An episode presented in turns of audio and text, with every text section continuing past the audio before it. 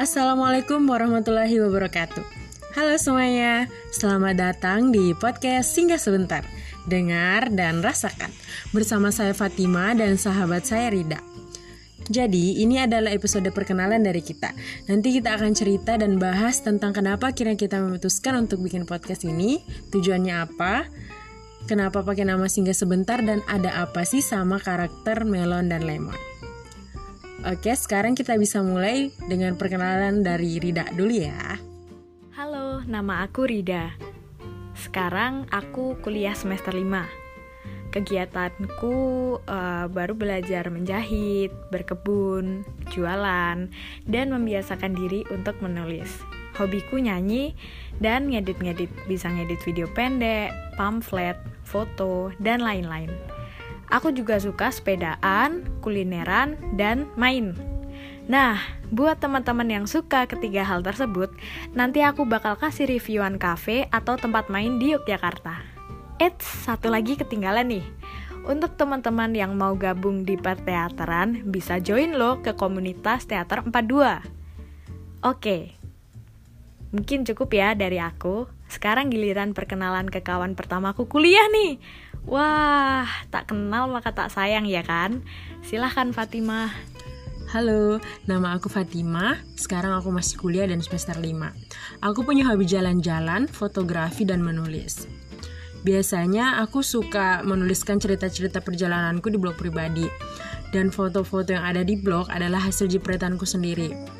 Oh iya, aku sangat mencintai wisata alam dan wisata sejarah dan sekarang lagi cari-cari informasi dan juga belajar tentang sejarah-sejarah Islam yang ada di Eropa.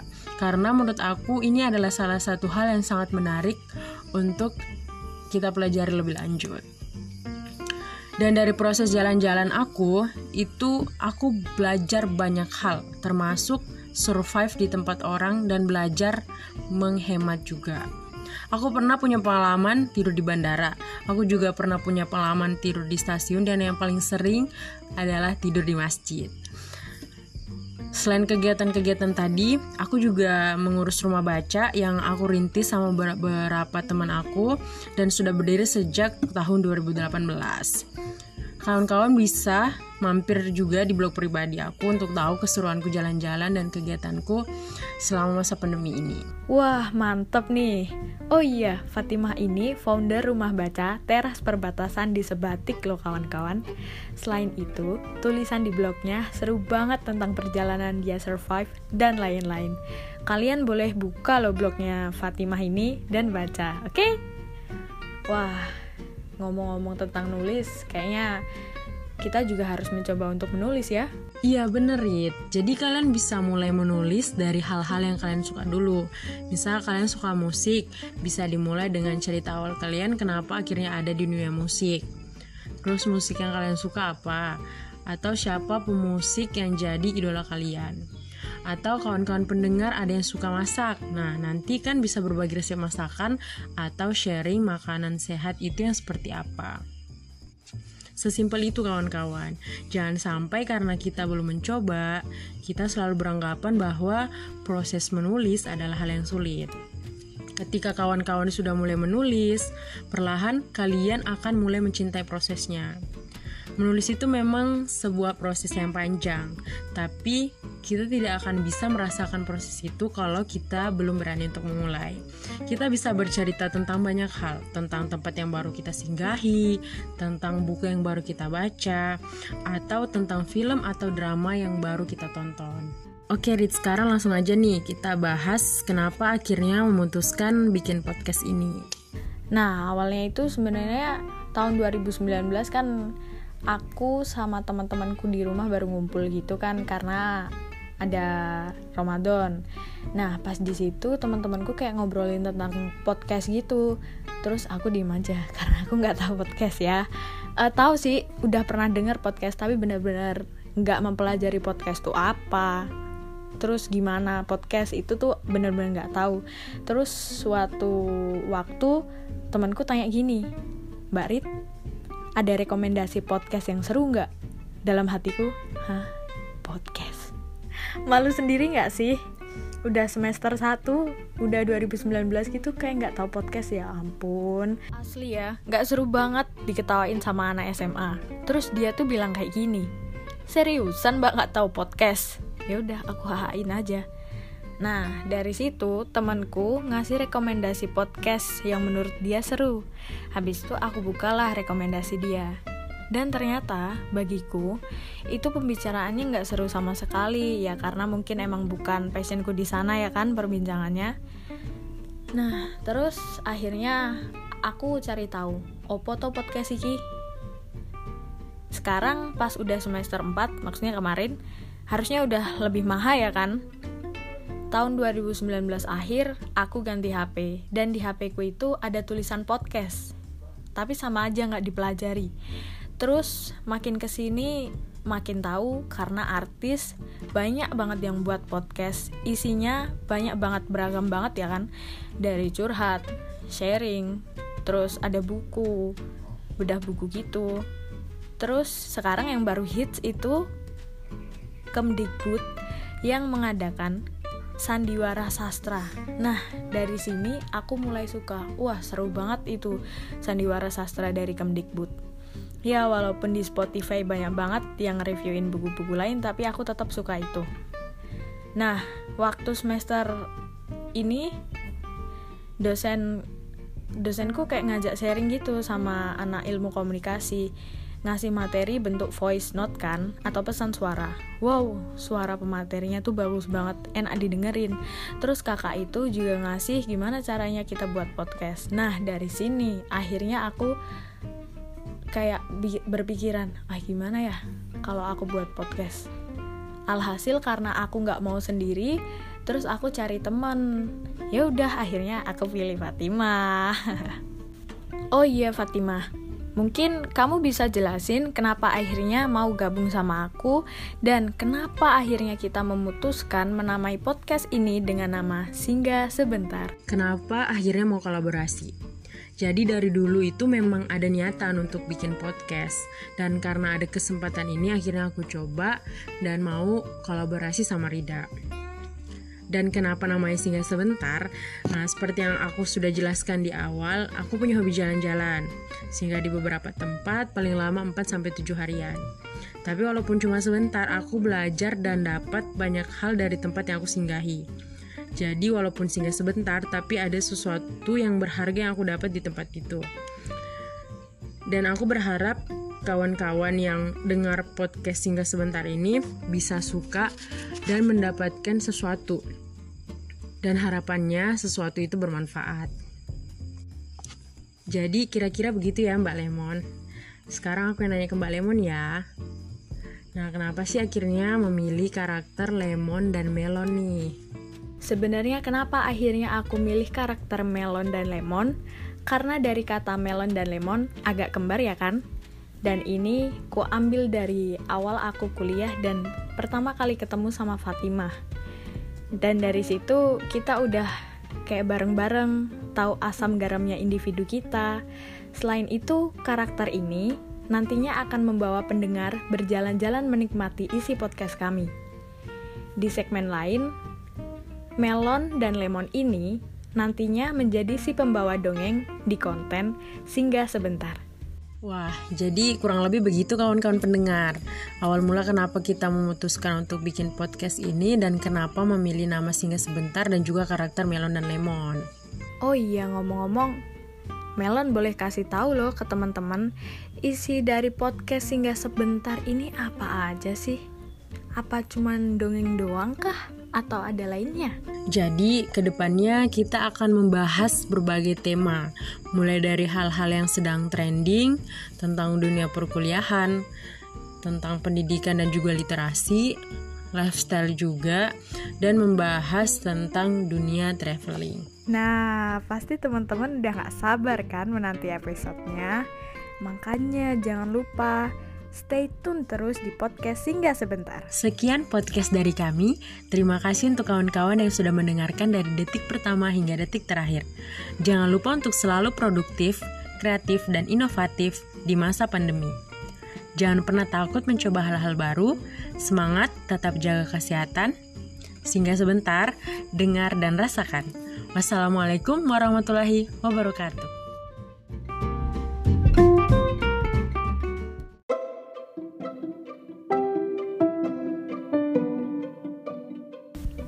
Halo kawan-kawan melon dan lemon. Assalamualaikum warahmatullahi wabarakatuh.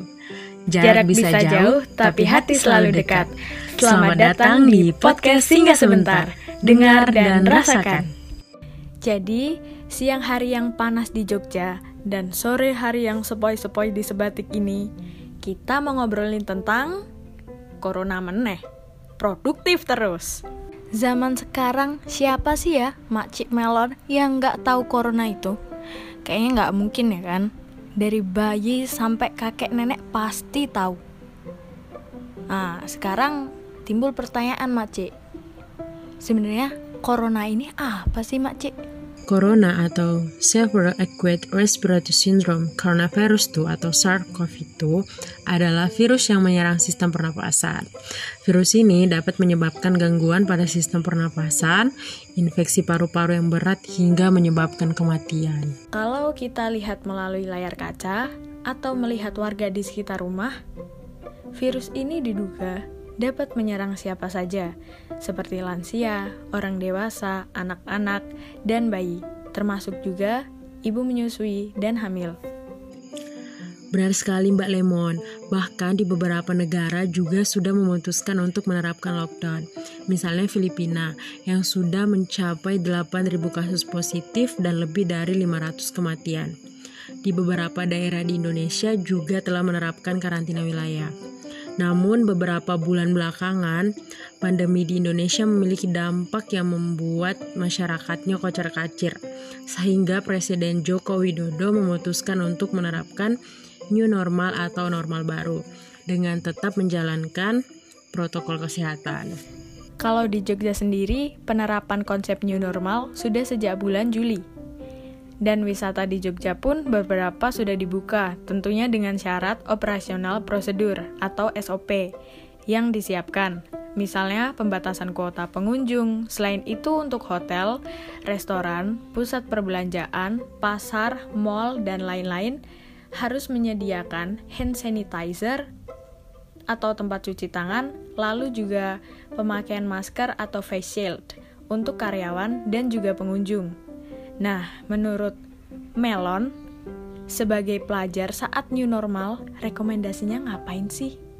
Dan gimana penerapan new normal di Sebatik? Seharusnya di masa pandemi seperti ini bukannya kita mengutuk keadaan tapi justru sebaliknya. Kita harus bisa lebih produktif lagi. Kita bisa mencoba hal-hal baru yang sebelumnya belum pernah kita lakukan. Di Sebatik sendiri, penerapan new normal atau normal baru itu dilakukan sejak awal bulan Juli masyarakat selalu dihimbau untuk tetap pakai masker saat keluar rumah. Setiap rumah juga harus menyediakan tempat cuci tangan. Tapi kata normal baru e, memang tidak membuat masyarakat patuh bahkan menyalahartikan. Masih banyak warga sebatik yang tidak pakai masker saat keluar rumah. Masih ada yang tidak menyediakan tempat cuci tangan di rumahnya kemudian kafe, pasar, pusat perbelanjaan itu tidak menerapkan social distancing. Jadi penerapan normal baru di Sebatik menurut aku kurang lebih seperti itu sih. Jadi masih jauh dari yang seharusnya. Oke, jadi Mbak Lemon selama masa pandemi ini ngapain aja nih untuk mengisi waktunya? Ya asli ya, gara-gara corona ini aku bisa jadi chef dadakan, petani dadakan, dan lain-lain yang serba dadakan. Pasti teman-teman juga tahu kan, awal munculnya dalgona. Nah, aku juga ikutan buat. Habis itu aku juga pernah buat seblak, cireng, habis itu juga churros. Churros itu donat, tapi panjang. Nah, dari resep-resep sosial media yang gak aku cobain itu cuman buat pie karena aku takut gak bisa ngukur tebel tipis adonannya. Habis itu memang sempat kepikiran mau buat tapi ya mikirnya ini itu ini itulah. Karena aku lihat meme di Instagram itu benar-benar ada yang adonannya melempung gede banget. Itu benar-benar ngakak asli ya. Selain jadi chef dadakan aku juga suka jelajah craft di Instagram. Yang berhasil aku buat itu mini whiteboard dari kertas asturo yang dihias dengan bunga kering. Nah, gimana caranya kita bisa nulis di kertas asturo itu dan bisa dihapus? Kita balut asturo itu dengan instalasi bening. Selesai gitu doang, gampang. Selain itu, di masa pandemi ini, saat udah diberlakukan new normal ya, aku aktif bersepeda dan mengunjungi beberapa kafe dan juga tempat wisata yang buatan maupun yang tidak. Sambil menyelam minum air. Selain untuk refreshing, aku mengunjungi tempat tersebut untuk mulai nge-review. Sebenarnya bahannya udah ada sih, tinggal di-upload. Tapi berhubung masih UAS, jadinya dipending dulu. Karena setiap minggu harus benar-benar tanggung jawab sama teman-teman online untuk ngasih sesuatu yang bermanfaat. Wah, produktif sekali ya kawan-kawan pendengar podcast hingga sebentar. Ini juga bisa jadi referensi kawan-kawan untuk kegiatan selama masa pandemi ini. Jadi biar bisa lebih bermanfaat nantinya. Jadi ketika sudah selesai pandemi, kita bisa cerita banyak hal, kita bisa punya karya yang bisa kita ceritakan nantinya. Jadi di masa pandemi tidak cuma rebahan, scroll, rebahan, scroll, tapi banyak hal yang kita lakukan. Kalau Makcik Melon, selama corona dan new normal, gimana nih cara menghadapinya? Selama masa pandemi ini seperti biasa kegiatan sehari-hari aku bangun tidur, sholat, terus beres-beres, masak dan juga bersih diri. Aku juga biasa memanfaatkan waktu dengan nonton film dan juga membaca buku. Selama masa pandemi saran aku kita bisa mulai dengan mengembangkan skill baru atau mengoptimalkan skill yang sudah ada. Karena selama masa pandemi pasti di antara kita lebih banyak menghabiskan waktu di rumah, jadi kita bisa mulai dengan memperhatikan kebersihan lingkungan sekitar. Kalian juga bisa memanfaatkan waktu di rumah dengan mulai bercocok tanam. Jadi kalian bisa panen sayuran atau buah-buahan tanpa harus membeli di pasar. Jadi bisa lebih hemat kan? Kalian juga bisa bereksperimen dengan memasak dan mencoba resep-resep baru. Dan sebagai mahasiswa, kalian wajib menambah bacaan. Selain mendapatkan wawasan selama pandemi, membaca juga baik untuk kesehatan. Agar tidak stres dengan tugas-tugas kuliah yang menumpuk. Aku juga biasa menulis di blog, terus nonton video-video yang bermanfaat di YouTube. Jadi bener banget nih kawan-kawan. Selama pandemi, harusnya kita bisa lebih semangat untuk mencoba hal-hal lain yang belum pernah kita coba. Jangan lupa untuk selalu melakukan kebiasaan-kebiasaan baik selama pandemi. Seperti rajin mencuci tangan, menggunakan masker saat keluar rumah, olahraga teratur, konsumsi makanan bergizi, serta menghindari kerumunan dan menjaga jarak di tempat umum. Dan kawan-kawan pendengar, jangan lupa beribadah dan berdoa agar pandemi ini segera berlalu. Jadi begitu kawan-kawan, terima kasih sudah mendengarkan episode 1 dari awal sampai akhir. Tetap jaga kesehatan, jika bepergian, harap mematuhi protokol kesehatan yang telah ditentukan. Pesan Lemon dan Melon, tetap, tetap semangat dan, dan tetap, produktif. produktif. Sekian podcast hari ini. Kalau ada sumur di ladang, boleh kita menumpang mandi. Kalau ada kuota yang banyak, boleh kalian singgah di sini. Singgah sebentar, dengar dan rasakan. See you.